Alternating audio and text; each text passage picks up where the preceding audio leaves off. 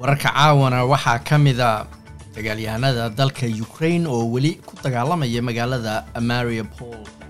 Isbahaysiga oo dafiray hadalka leybarka ee ah in dowladdu ay dayacday amniga solomon island.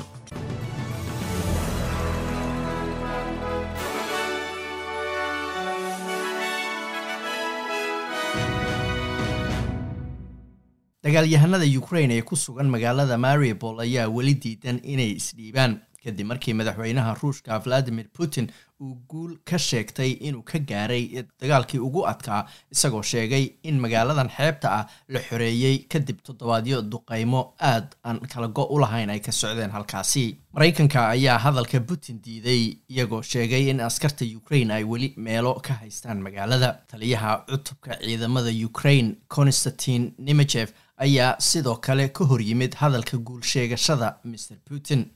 Wuxuu sheegay in askarta ka tirsan guutada asif ay weli goobahoodii haystaan. Dagaalyahanadiisuna ay weli difaacayaan warshada biraha halkaas oo tiro askara iyo dad rayida oo dhaawaca ay gabaad ka dhiganayaan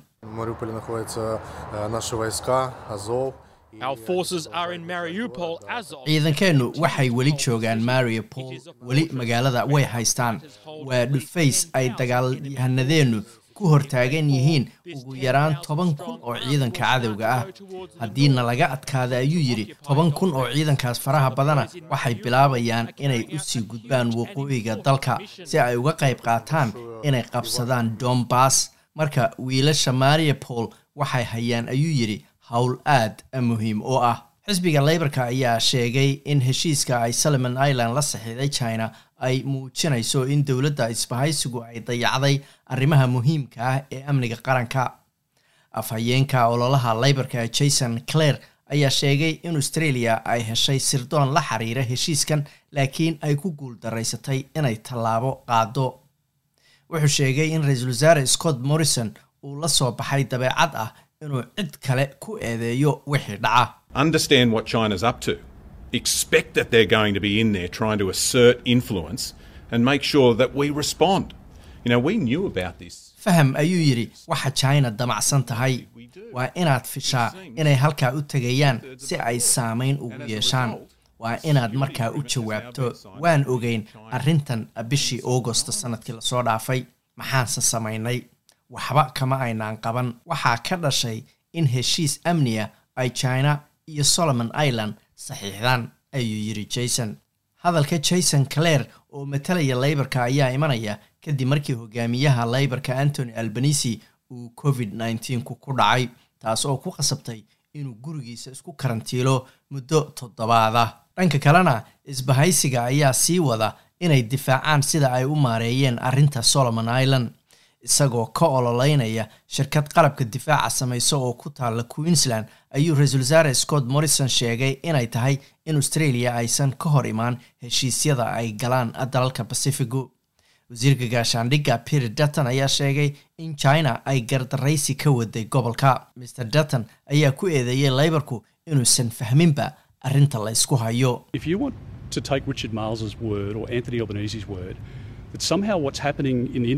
haddaan soo qaato hadalkii richard miles ama kii antony albanisi waxa la yaab leh inay leeyihiin waxa ka dhacaya bacifica waa qaladka australia. Maba fahmayaan ayuu yidhi ma helaan sirdoonka iyo warbixinaha amniga ee aanu anagu helo. Xisbiga leybarka ee gobolka new south wales ayaa sheegay inaysan dowladda aqlabiyadda yar ee gobolkaasi madaxda ka ah ka joojin doonin taageerada kadib markii premierka new south wales dominic perote hadallo aan fiicnayn uu ka sheegay bulshooyinka transgenderka la yidhaahdo oo ah dadka jinsigii hore ay u dhasheen iska bedelay hogaamiyaha leybarka new south wales chris mins ayaa xaqiijiyey in mucaaradku uusan taageerayn in codka kalsoonida loo qaado isbahaysiga isagoo intaa ku daray in cidda dowladda dooranaysa ama ridaysa loo daayo codbixiyaasha marka la gaaro bisha maarso labada kun iyo labaatan iyo saddexda. Hadalka leybarka ayaa ka dambeeyey markii alex greenwich oo ah xildhibaan madax bannaan uu ku hanjabay inuu taageeradiisa kala baxayo dowladda. Kadib hadalkii muranka ka dhashay ee ku aadanaa musharaxadda kursiga waringa catherine davis oo mr perotoy iyo ra'iisul wasaare scott morrisonba ay sheegeen inay ku raacsan yihiin aragtideeda ku saabsan dadka transgenderka iyo isboortiga haweenka. Catherine deves ayaa diidan in qof nin ahaan u dhashay laakiin haween iska dhigay uu ka qayb galo tartamada isboortiga ee haweenka. Dowladda new south wales ayaa u baahan ugu yaraan laba cod oo ay ka hesho xildhibaanada madaxa bannaan ee aqalka hoose baarlamaanka si ay markaasi howlaheeda u fushato. Queensland ayaa xaqiijisay inay wax ka beddelayso shuruucda karantiilka ee gobolkaasi ee ku aadan dadka la kulma qof uu ku dhacay covid nneteen-ka ama waxa loo yaqaano close contactiga. Qofkii la kulmay qof xanuunku ku dhacay oo aan lahayn calaamadaha xanuunka waxay xiranayaan ayaa la yidhi afdaboolka. Marka ay meel gudaha joogaan gurigana way ka shaqaynayaan haddii ay suuragal tahay. Labadii maalmoodna hal mar ayay iska baarayaan xanuunka. Waxaana looga baahan yahay qofku inuu iska waayo ka hor inta uusan bulshada dhex gelin.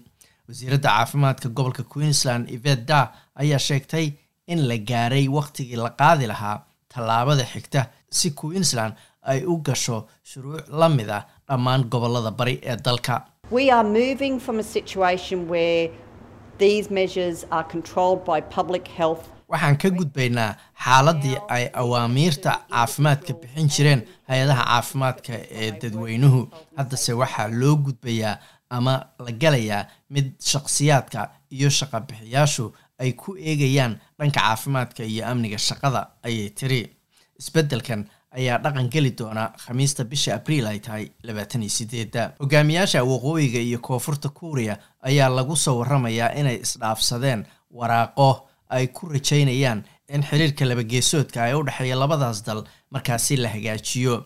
Xiriirka labada dal u dhexeeya ayaa aada hoos ugu dhacay saddexdii sano u dambeeyey kadib markii ay joogsadeen ama ay hakadeen wadahadaladii dhanka nucleerka ee u socday iyadoo markaasi waqooyiga kuuriya ay dardargelisay samaynta hubkaasi. Baahinta waqooyiga kuuriya ayaa lagu sheegay in kim jong un uu warqad ka helay madaxweynaha koonfurta kuuriya moon jang in isagoo isaguna ugu jawaabay markaasi warqadaas ugana mahad celiyey warqadda moon ee uu ku doonayo in dadaalada nabadda la sii wado. Xiisadda kuuriya ayaa kor u kacday markii waqooyiga kuuriya ay tijaabisay hubka gantaalaha ee loo yaqaano intercontinental plastic missileska wixii ka dambeeyey labadii kun iyo toddobiyo tobankii. Saadaasha hawada berita oo sabti ah magaalada bet waa cadceed iyo labaatan iyo toddoba digrii adhaladi waa qayb ahaan daruur iyo labaatan iyo saddex digrii